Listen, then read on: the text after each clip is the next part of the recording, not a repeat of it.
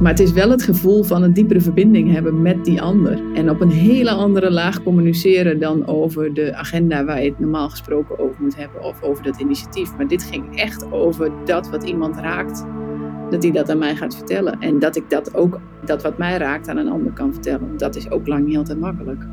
En dat doe ik ook niet bij iedereen en dat hoeft ook niet altijd. Maar die diepere verbinding kunnen voelen, dat vind ik wel zo'n uh, zo'n rijkdom dat je echt op een ander niveau kan communiceren met mensen.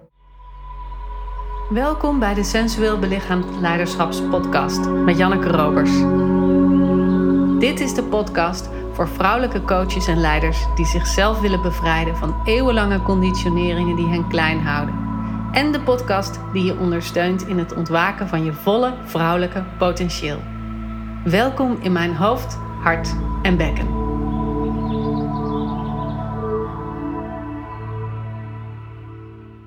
Vandaag hebben we weer een uh, gast in de podcast en dat is Klaasje, Klaasje Reinders. En Klaasje is al een aantal jaar deelnemer bij mij, zowel bij de Jemaya, de drie maanden programma wat ik eerder deed, als bij Voluit Vrouw zijn. En uh, nou, ik wil in ieder geval eerst eventjes jou de gelegenheid geven om je voor te stellen, zodat de kijker of de luisteraar weet met wie uh, ik in gesprek ben. En daarna gaan we verder het verhaal in. Klaasje, leuk dat je er bent. Dankjewel voor de uitnodiging. Ja. Ik voel me veert. Ja. Wil je even vertellen uh, wie je bent, waar je vandaan komt, wat je, wat je achtergrond is, zodat de luisteraar even weet uh, wie jij bent? Ja. Ik ben uh, Klaasje Rijers. Ik woon in Arnhem samen met mijn man en mijn drie kinderen. César van acht, Peppe van vijf en Sarah van, van één. En ik ben zelfstandig ondernemer. Werk veel samen met mensen. Uh, en vooral in de zin van dat ik mensen faciliteer om het beste uit hunzelf te halen. En niet als coach, maar eigenlijk altijd door het organiseren van processen waar mensen aan mee kunnen doen. Soms voor gemeenten, uh, maar steeds vaker voor maatschappelijke organisaties. Uh, waar vrijwilligerswerk wordt gedaan, waar mensen mooie dingen doen, waardoor de samenleving een beetje mooier wordt. En ik ben eigenlijk altijd degene die dat een beetje. Ik hoef niet op de voorgrond te staan, maar ik vind het veel leuker om dat echt te faciliteren en aan de achterkant te zorgen dat andere mensen kunnen doen waar ze goed in zijn. Ja, je bent eigenlijk de spin zo in het web, hè? Jij verbindt al die verschillende lijntjes met elkaar. Ja, ik vind het wel leuk. Ik ben heel slecht in één ding uh, heel goed doen. Dat vind ik ook helemaal niet zo leuk. Ik ben ook niet echt een specialist, maar ik vind het wel leuk om overal iets van te weten en op heel veel verschillende lagen te schakelen met mensen. Uh, en ik kom daardoor ook in aanraking met heel veel verschillende uh, mensen, van wethouders en bestuurders tot uh, echt vrijwilligers of mensen die diep, diep, diep in armoede leven. Ja. En alles wat daartussen zit. En dat ja. met elkaar schakelen, dat vind ik heel mooi. Ja, dat vind ik ook echt een kwaliteit van jou, dat jij het, het lichtpuntje in mensen zo naar voren kan halen. Dat zie ik je ook in onze groep doen. Dat je, dat je zo heel helder ziet van, oh, dit is een kwaliteit van jou. En als je dat nou nog meer zou doen, wauw. En daar nodig je mensen echt toe uit.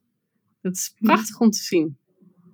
Nou, dat is eigenlijk ook wel waarom ik denk dat ik, uh, ik, ik, kan altijd slecht benoemen in één woord wat mijn werk nou precies is. Maar wel mensen in laten zien dat er altijd iets kan, ook al is het nog zo lijkt het nog zo uitzichtloos of nog zo donker. Of maar uh, je bewust maken van dat er een lichtpuntje ergens is en dat je daar zelf aan bij kan dragen, omdat je gewoon dat zelf kunt doen. Uh, dat vind ik heel mooi. En niet alleen in mijn werk, maar dat probeer ik.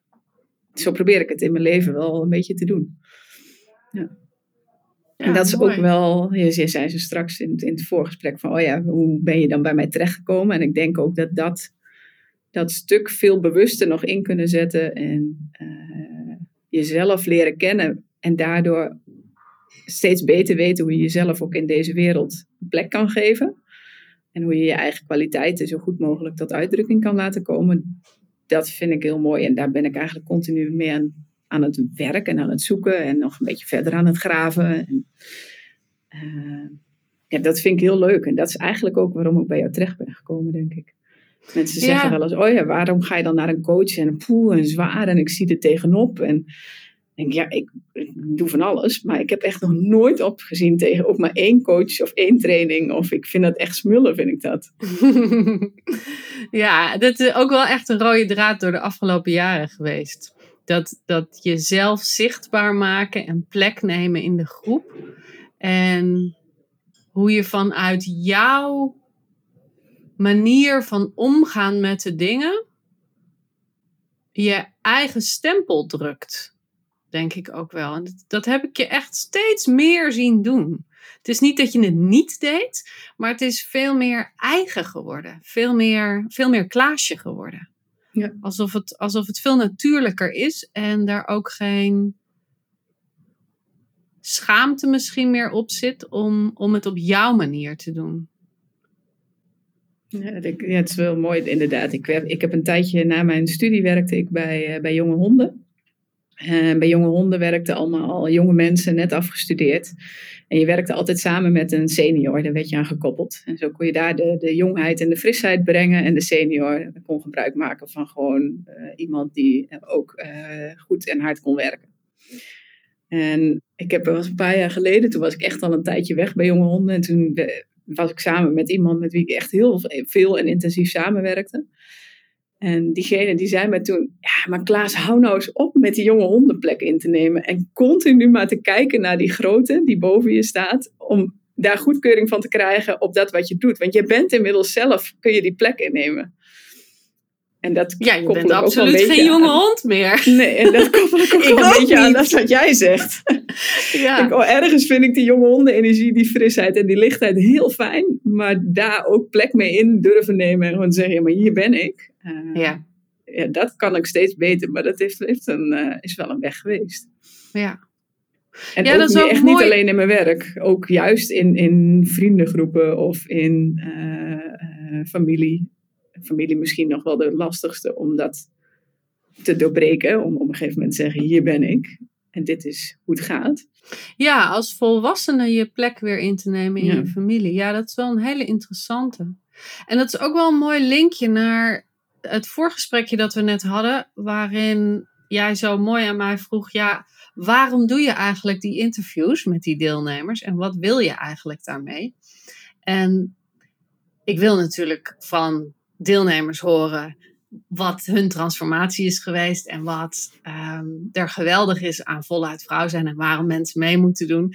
Dat is ook leuk voor de luisteraar om te horen als het niet vanuit mijn stem komt. Want ik zeg natuurlijk dat alles echt prachtig is en dat je mee moet doen. Maar het is, het is ook mooi om dat vanuit de andere kant te horen. Maar toen kwamen we er eigenlijk op dat het veel interessanter is om een gesprek te hebben over dat vrouwelijke vuur. Omdat we net samen een driedaagse intensive hebben gehad met voluit vrouw zijn, waarin we drie dagen ons ondergedompeld hebben in dat vrouwelijk vuur. En jij kwam daar helemaal opgeladen uit, althans dat zijn mijn woorden, misschien kan jij het zo even zeggen hoe het voor jou was. En dat we dat als onderwerp wilden gebruiken voor deze podcast om de luisteraar deelgenoot te maken van wat is dat nou eigenlijk en hoe leeft dat nou eigenlijk in je? En hoe kun je dat als volwassen vrouw echt aanpakken zodat het een voeding is voor je leven in plaats van dat het je verwoest, want vuur is natuurlijk ook verwoestend. Dus dat is eigenlijk wat we de komende nou 20 minuutjes zo over gaan hebben. Wil, je, wil jij eerst beginnen met vertellen hoe dat voor je was, die driedaagse, om, om daar echt in jouw vrouwelijk vuur te stappen? En wat je daarbij voelde of ervaarde? Wat ik wel uh, mooi vond, wij reden samen uh, naar Siddeburen. Ik had jou uh, opgepikt op het station in Zutphen. En nou, twee uur in de auto door de binnenlanden naar het, naar het hoge noorden.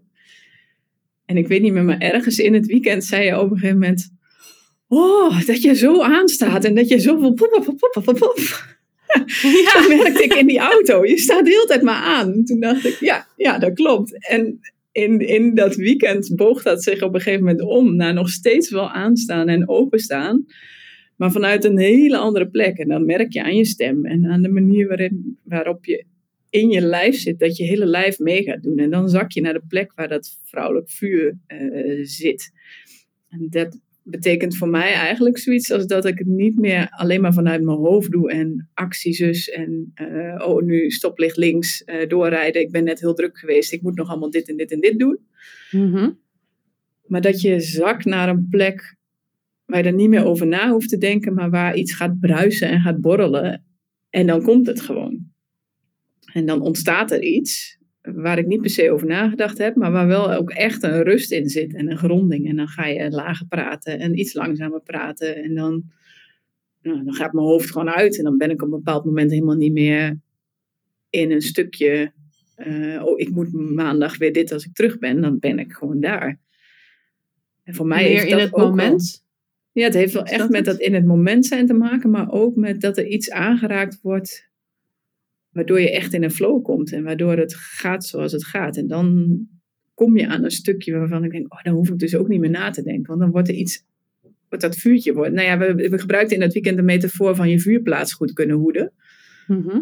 En als ik dan nadenk over hoe wij die vrijdagavond in de auto zaten, dan denk ik, oh, dan zaten allemaal gaten in die vuurplaats. Want overal kwam te veel lucht binnen en dat vuur ging aan en weer uit en weer. Uh, en naarmate zo'n Ja, voor de luisteraar, er is een podcast hierover, een aantal episodes terug.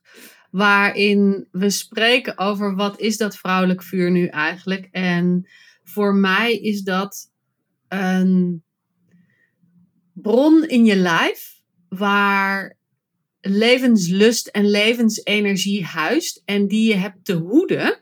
Want zoals een gewoon vuur ook werkt, is dat een vuur kan heel hard branden en verwoesten. En een vuur kan uitgaan als het hout niet goed gestapeld is. En als de stenen eromheen niet in een, in een heldere cirkel liggen en een aangesloten cirkel, dan heb je daar dus gaten in en dan lekt je vuur weg. En dan is het alsof, het, alsof je als het ware energieverlies hebt. En dus je vuurtje ook steeds minder stevig gaat branden. En dus je ook niet meer kunt doen waarvoor je hier eigenlijk op aarde bent of waarvoor je ehm, de plek in je gezin inneemt of nou, gewoon de energie kunt richten op dat wat je wil doen.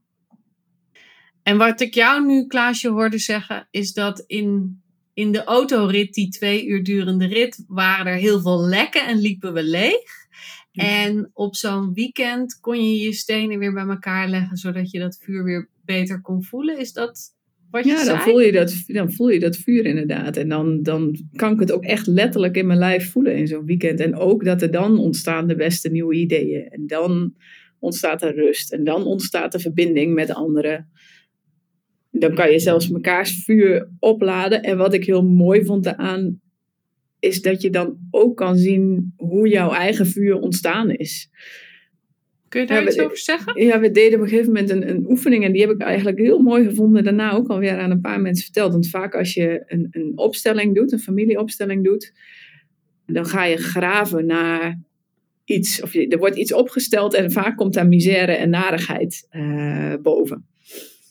En nu deden we een opstelling waarin, uh, waarin ik als, als nu volwassen vrouw uh, mijn moeder opstelde, mijn uh, oma daarachter, een overgrootmoeder daarachter en daarachter de oermoeder, die het oervuur, de levenslust als eerste heeft doorgegeven. En ja, dat, dat eigenlijk stond je in een lijn van alle vrouwen die voor jou kwamen. Ja, ja.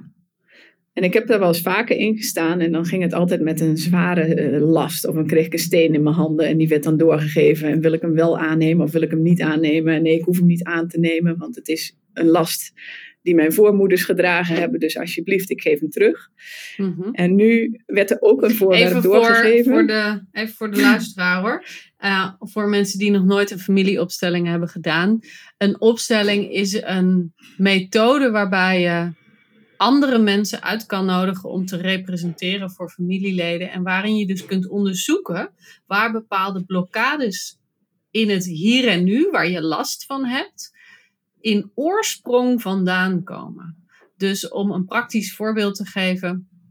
Je bent een ondernemer en je krijgt steeds een vrouwelijke opdrachtgever. En steeds kom je in de clinch met een vrouwelijke opdrachtgever. En met mannelijke opdrachtgevers heb je dat niet.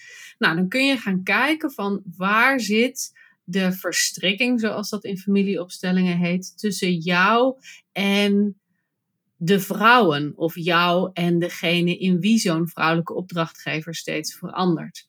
En dat is waarom je zo'n opstelling doet. Je maakt inzichtelijk waar de patronen die je in het hier en nu leeft of herbeleeft, zeg maar, vandaan komen. En dat is natuurlijk ook waarom jij, Klaasje, zo zegt van ja, het is altijd zwaar en lastig en wat draag ik dat niet van mij is en welke verantwoordelijkheid neem ik op me die niet van mij is en in welke, in welke uh, verkeerde positie ben ik gestapt dat niet mijn plek is. En dat, en dat doe je natuurlijk omdat je dan gaat zien waar zit, waar zit de misser tussen de aanhalingstekens, zodat ik uiteindelijk op de juiste plek kan komen met de juiste verantwoordelijkheid en de, nou, de, de, de juiste taken of zo. Maar jij hebt het heel anders ervaren in die driedaagse. Ja, die driedaagse was echt een oefening waar je voor mijn gevoel niet die last door kreeg, maar waar die oermoeder begon met het doorgeven van jouw uh, levensvuur, van jouw levensenergie. En dat doordat de oermoeder dat doorgaf aan al die moeders die uh, mij voor zijn gegaan en uiteindelijk aan mijn oma en aan mijn eigen moeder en mijn moeder aan mij, kon ik zo voelen van, oh ja, wacht even, maar alles dat wat ik mee heb gekregen en waar ik ook al in al die jaren ook bij jou uh, best wel eens uh, mee geworsteld heb, soms letterlijk, dat is er ook. Maar zonder dat ik dat levensvuur van hun allemaal door had gekregen, had ik hier nooit gestaan. Had ik helemaal niet geleefd. Zij hebben ook, dus dank je wel dat je dat levensvuur aan me door hebt gegeven, mama en oma en, en overgrootoma. En dat het echt, ja, dat, dat, nou heb ik niet eens heel ja, nee, dat dat, dat, dat dat vuur erdoor werd gegeven, dat vond ik zo'n krachtige ervaring. En daar heb ik ook echt na, al heel vaak nog wel over nagedacht. Oh ja, dat je kan voelen dat het vuur in je zit, maar dat dat ook voortleeft in die lijn die je hebt gehad. En in mijn geval dat ik dat weer doorgeef aan mijn kinderen. En daarmee dus ook een bepaalde levensenergie op deze aarde uh, ja, breng en in leven houdt en mensen in staat stel om uh, hun eigen vuurtje weer aan te gaan wakkeren en goed te hoeden en daar goed op te passen. Ik vond dat een hele bijzondere ervaring. Ja. En wat maakt dat in het hier en nu anders? Want als ik van een afstandje naar je luister, als ik niet mijzelf zou zijn, maar als ik de luisteraar zou zijn, zou ik denken, nou, mooi verhaal, mm mooie ervaring. Mhm. Maar wat brengt dat je nou? Of wat verandert daardoor nou dat je die ervaring hebt gehad? Nou, het verandert dat ik ja, steviger de dingen kan doen waar ik mee bezig ben. Dus het helpt mij af en toe echt om te denken: oh ja, waar zit dat vuur nou? Uh, en daar even naartoe te gaan. Uh, een heel mooi voorbeeld daarvan was, ik, ik had aan mijn kinderen verteld waar ik was geweest dat weekend. En dat het, uh, dat weekend stond ook dat levensvuur uh, centraal. En die van vijf, die zei op een gegeven moment, ja, waar zit dat vuur dan zo precies? Ik zei, ja, onder, onder, onder, je na, onder je navel ongeveer. Oh, ja. En brandt dat dan ook echt? Ik zeg, ja, nee, ja, ik zeg, ik geloof wel dat dat echt brandt, maar uh, het is wel anders dan een, fikkie stoken met een, uh, een lucifer en houtjes en je vingers eraan kunnen branden. Maar ik denk wel dat daar iets zit en dat als je daar met je aandacht naartoe gaat, dat, daar, dat je wel kan voelen dat daar iets borrelt. Oh ja, ja, ja. Nou. En dat, ging, dat gesprekje ging even zo door en na een, een paar dagen kwam hij weer naar me terug. Toen, toen was hij helemaal, hij was in paniek. Ik zei, oh ja, maar wat gebeurt er nou als je eventjes naar je buik gaat ademen? Ja, daar zit dat vuur, hè, mam, zei hij toen. Ik zei, ja, daar zit dat vuur. Oh ja.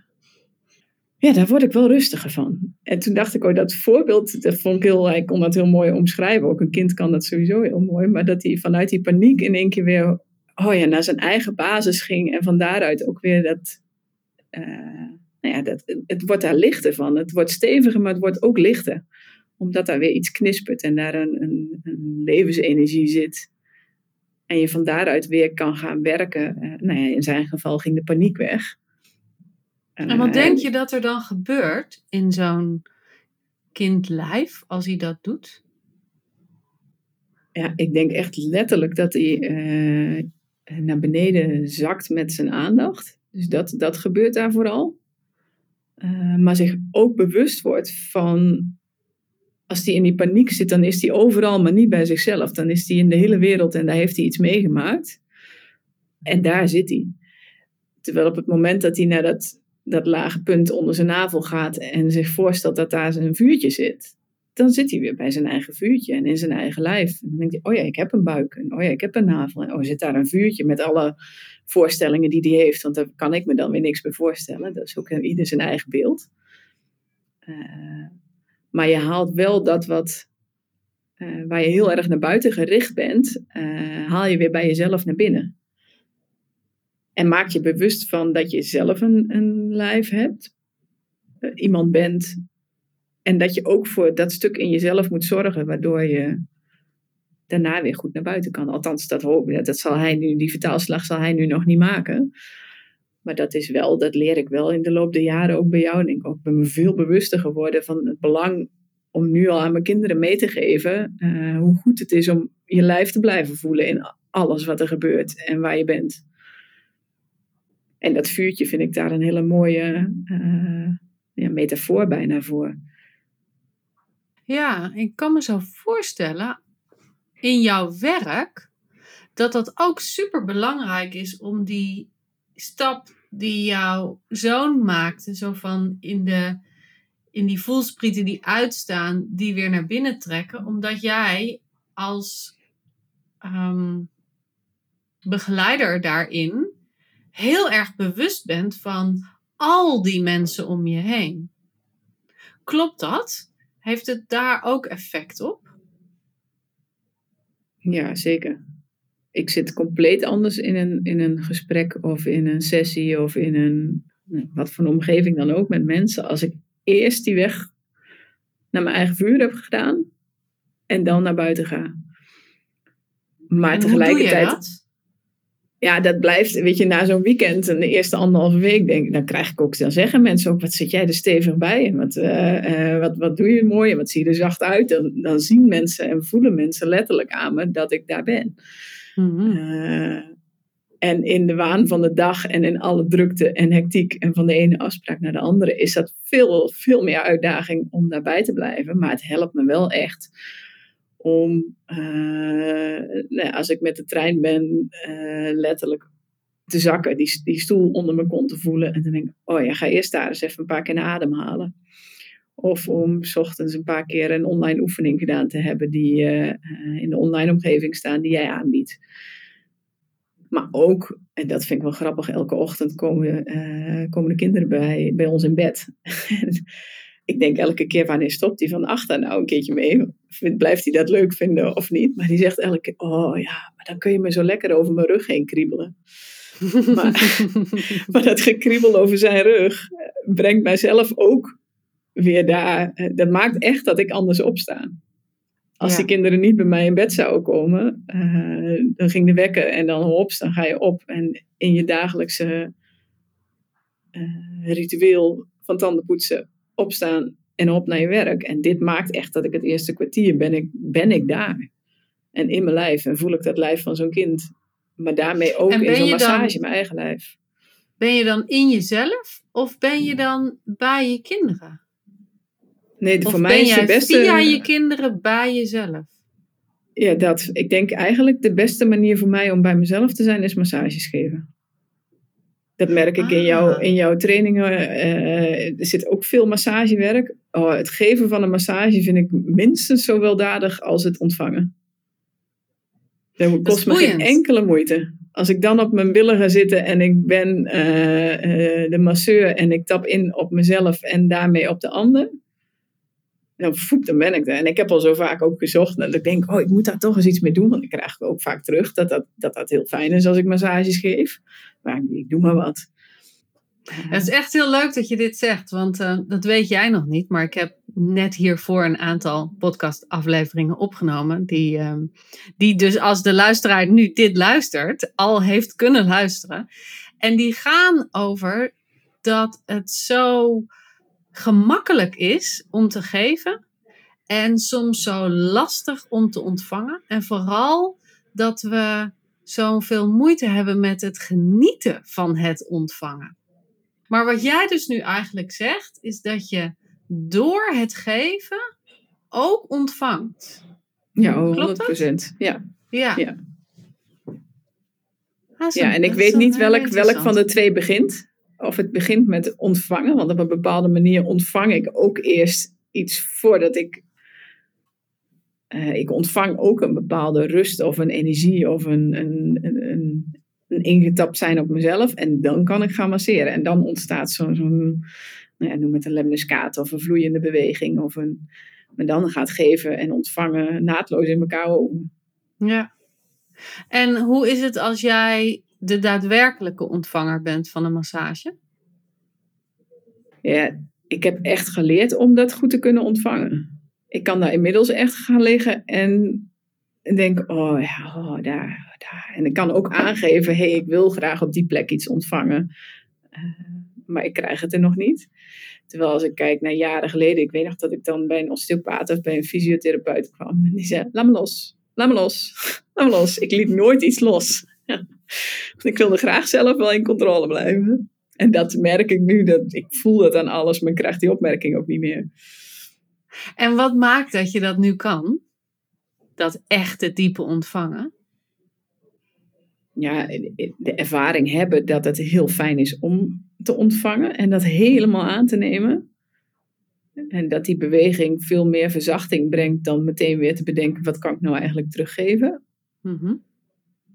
Uh, de, dus, dus de ervaring van het ontvangen maakt dat het makkelijker wordt. Als je dat echt een paar keer goed gedaan hebt, wordt het fijner. Maar daar zou, daarvoor zou je ook een strippenkaart bij een masseur kunnen kopen. Daar hoef je niet specifiek voor bij mij te zijn, toch?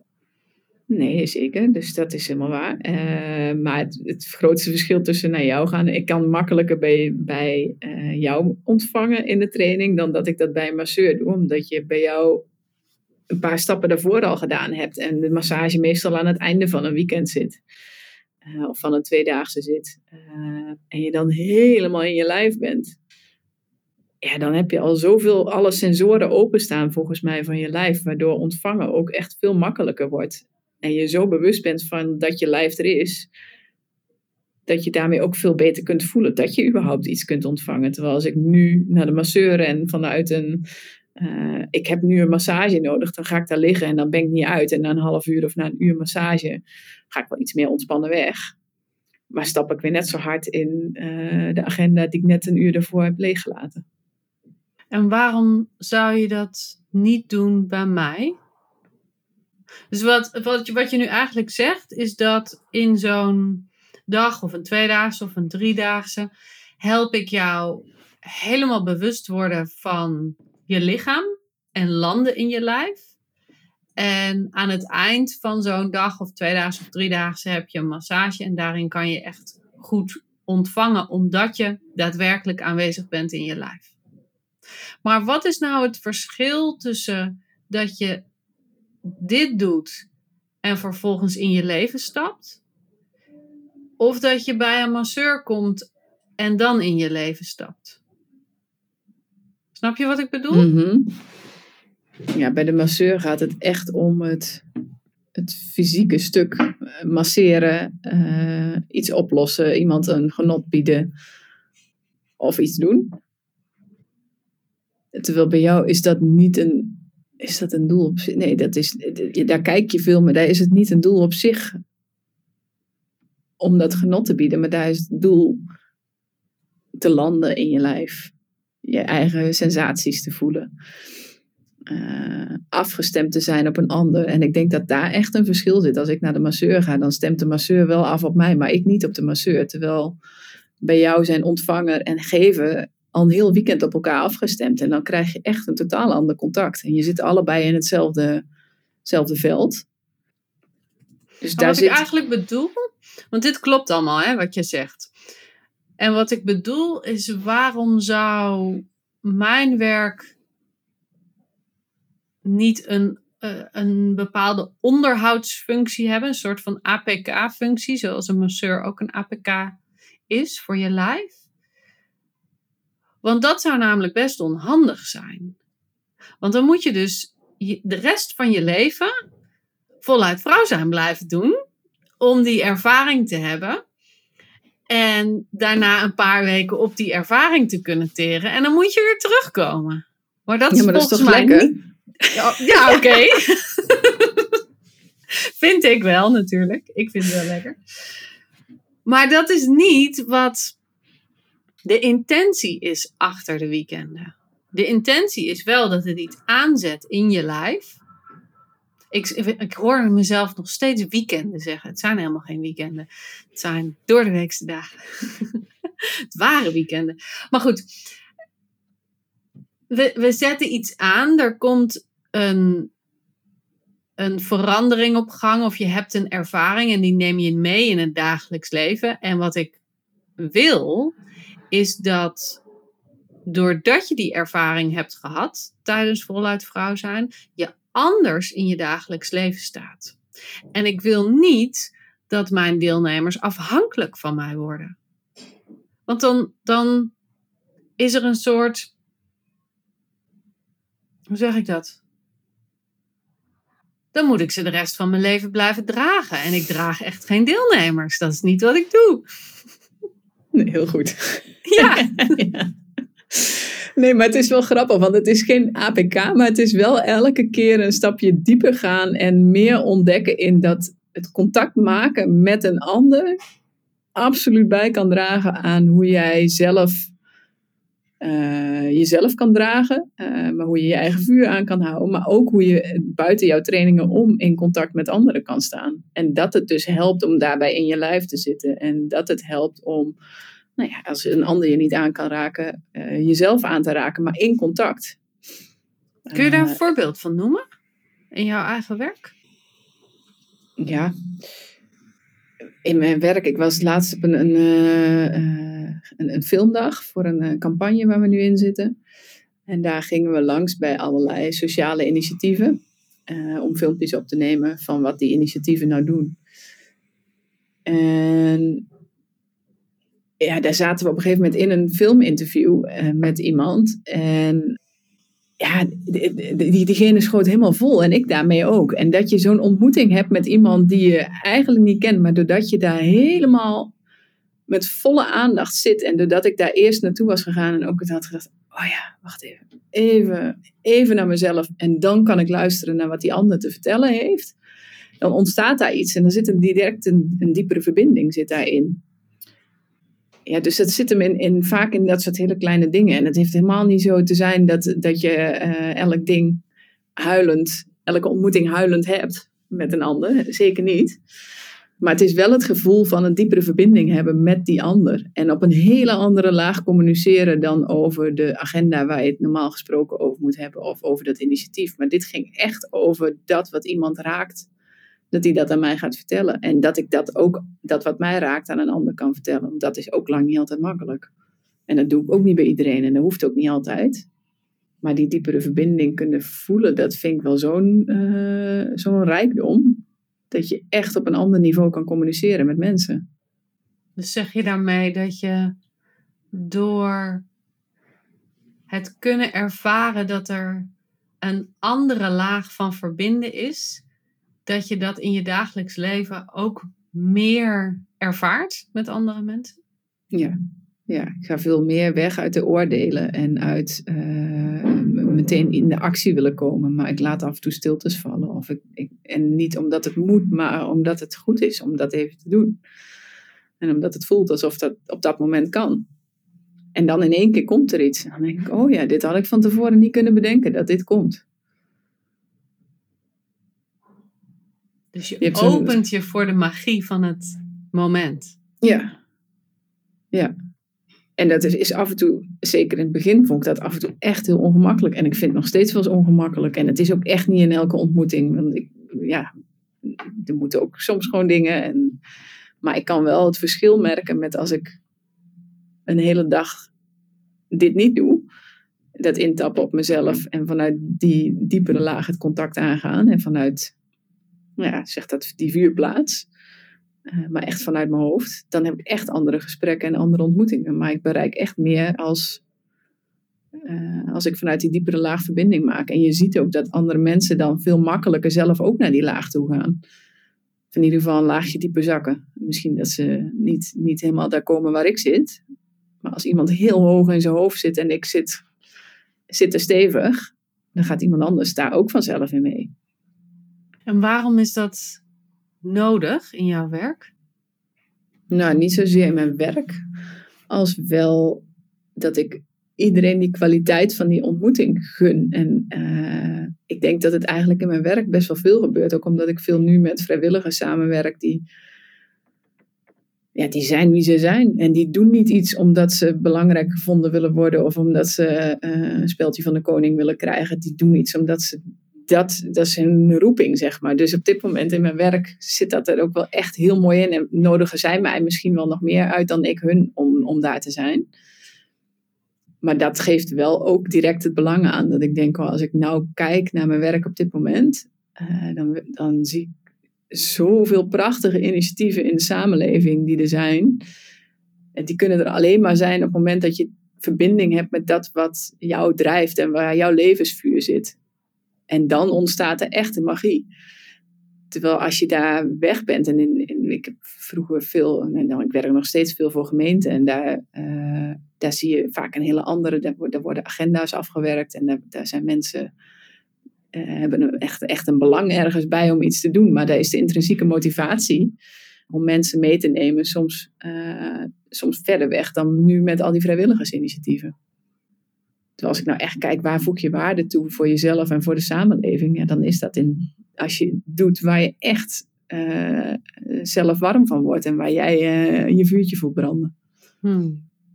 Ja, dus dat gaat ook heel erg over de vervulling vinden en voor de een is dat natuurlijk iets anders dan voor de ander. Waar een mens vervuld van raakt. De een raakt vervuld van liefde, de ander raakt vervuld van uitwisseling, weer een ander raakt vervuld van mooie dingen maken. Dat kan natuurlijk uh, heel verschillend zijn. Maar ik denk dat veel van mijn luisteraars ook vervuld raken van waar jij het over hebt, die diepere verbinding met de ander kunnen voelen. En dan ook daarin op je eigen plek kunnen blijven staan. In plaats van helemaal opgaan of verdwijnen in die ander. Ja, want die neiging heb ik ook nog steeds. Om, dat is waarom ik nog steeds ook uh, denk, oh, ik ben, uh, ik geloof dat dit het vierde jaar is dat ik bij jou de voluit vrouw zijn uh, jaartraject meedoe. Ik ben een keer een jaartje gestopt.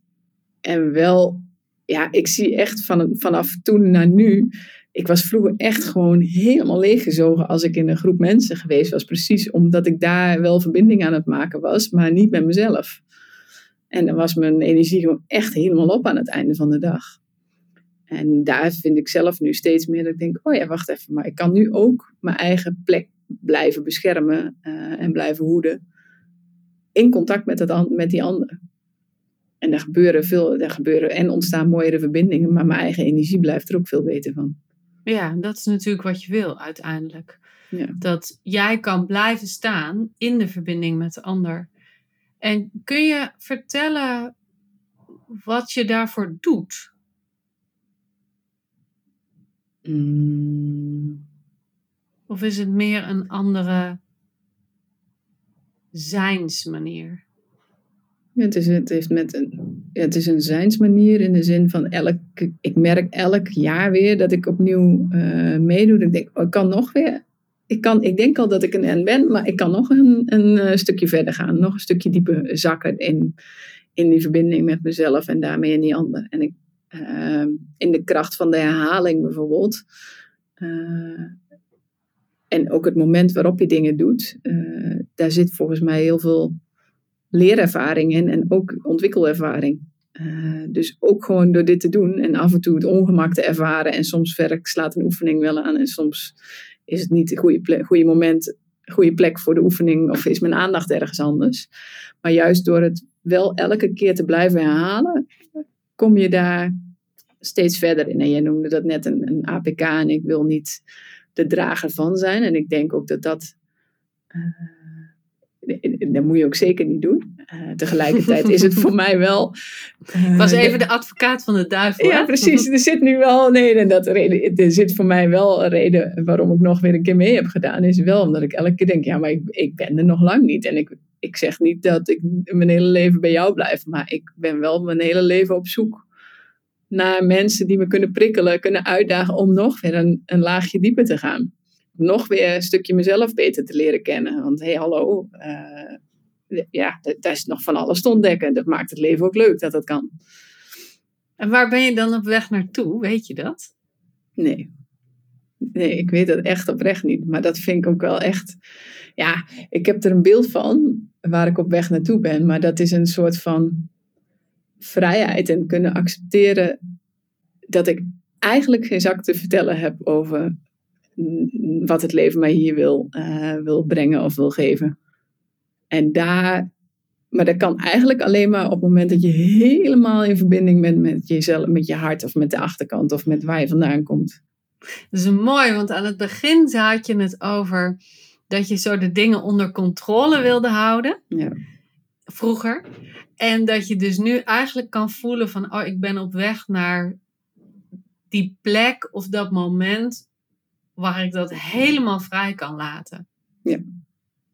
Ja. ja. En dat is natuurlijk een beetje een paradox, want als je daarnaar op zoek gaat, ben je alsnog een soort van aan het controleren. Maar ik word er steeds beter in om dat, die zoektocht dan los te laten en om te kunnen ervaren. Oh ja, nou ja, ik zie het wel. Het is wat het is nu en, en er, zal wel, er zal wel iets komen. Of er komt ja. niets en dan is het ook goed. Ja. En dan ben ik wel nieuwsgierig, hè? Waarom was je er een jaartje tussenuit? Ik heb meegedaan, ik heb twee keer zwanger meegedaan aan, aan uh, voluit vrouw zijn. En de laatste keer was ik zwanger van Sarah. Die is geboren volgens mij in, in of net na het laatste weekend van dat jaar. Uh, ja, volgens mij startte, het laatste weekend. Ja, volgens mij wel. Ja. En toen startte ja. in september uh, uh, een nieuwe opleiding. En toen heb ik wel overwogen. Ik dacht, oh, het is wel mooi om meteen door te gaan. Maar ik was toen ook op een punt dat ik dacht, het is ook wel goed om het even te laten sudderen. En gewoon eens te kijken. Maar in dat jaar merkte ik dat ik dacht, ah ja, nou, toch gewoon een soort van ik veel, één keer in de zes of acht weken een prikkel hebben om je heel bewust tijd voor vrij te maken. Uh, mijn agenda voor leeg te maken. En dit is helemaal tijd voor mij, een cadeautje aan mezelf. En dat miste ik. Ik dacht, oh, ik ben hele dagen moeder, hele dagen aan het werk. En dat cadeautje aan mezelf, dat snoepte heel gauw, uh, wordt er vanaf gesnoept. Maar die weekenden voelen wel echt als een cadeautje aan mezelf. Waarin gewoon opties, is geen enkele twijfel mogelijk dat daar iets anders tussendoor komt. Die staan gewoon in mijn agenda en die zijn er. En ja, die, het is nu dit jaar ook het eerste jaar dat je het echt voor jou doet. Ja. Niet, niet met een extra mensje in je buik. Ja. ja. ja. Of aan je borst. Ja. Wat ook wel weer, uh, in, de, in de eerste keer dat ik zwanger was, dacht ik, oh, de hele groep ziet hier alleen maar mijn kind en niet mij. Maar dat had natuurlijk, met achteraf terugkijken, kan ik uh, zien dat dat 100% van mezelf kwam. En tuurlijk zag de groep ook een zwangere vrouw en een kind in de buik en dan kon je dat voelen. Maar ik nam daar nog geen plek in. En dat was de, nu de tweede keer zwanger zijn, was ik vier jaar verder. Uh, al een heel andere situatie. Waarin ik dacht, oh ja, ik ben zwanger en hier ben ik. En ja, ik heb ook een baby bij me. Maar die hoeft ja. Dus dat was grappig. Het was dus meer zag jij en de baby dan ja. andersom. Ja, ja dat klopt. Ja, daar ben ik het wel helemaal mee eens. Ja. ja. En nu ben ik er uh, helemaal. Ja. ja. Ja, ik las nog even in jouw, um, in jouw progressiesessie, die we zo halverwege zo'n jaar doen, om te kijken van waar sta je en welke, welke winst heb je nu al behaald. En toen, daar schreef je ook in, er zijn voor de ander zonder het te dragen. Hmm. En, en dat, dat sluit ook wel mooi zo aan als we het zo hebben over dat zwanger zijn. Want in het zwanger zijn draag je natuurlijk ook echt ja. een kind, een mens. Ja. En nu is het, is het meer, althans zo zie ik dat dan voor me, zo open armen. En je mag daarin komen in die armen. En ik koester je. Maar ik draag je niet. Nee. En dat, dat maakt dat je jou op een heel andere manier ontmoet. Dat je Ja. jou ontmoet. Ja. Ja. Ja, mooi. Ja, ik denk, dat, ik denk wel dat, dat, dat ik daar steeds beter in word. En dat is echt, ja, ook gewoon een bepaalde oefening. Dit komt niet zomaar aanwaaien, maar door het heel vaak eh, te doen, het bij anderen te zien. Want dat is het ook natuurlijk. In zo'n groep kom je niet alleen maar in je eentje, maar ben je altijd met een groep waar je ook weer van anderen allemaal dingen ziet gebeuren.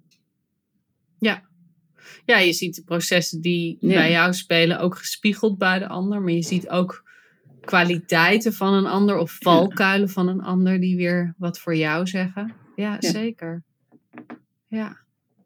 En dan nog eventjes van dat soort leuke vragen. Hè? Hoe draag ik daarin bij voor jou? In de zin van hoe draag je bij aan het niet, dat ik het niet hoef te dragen?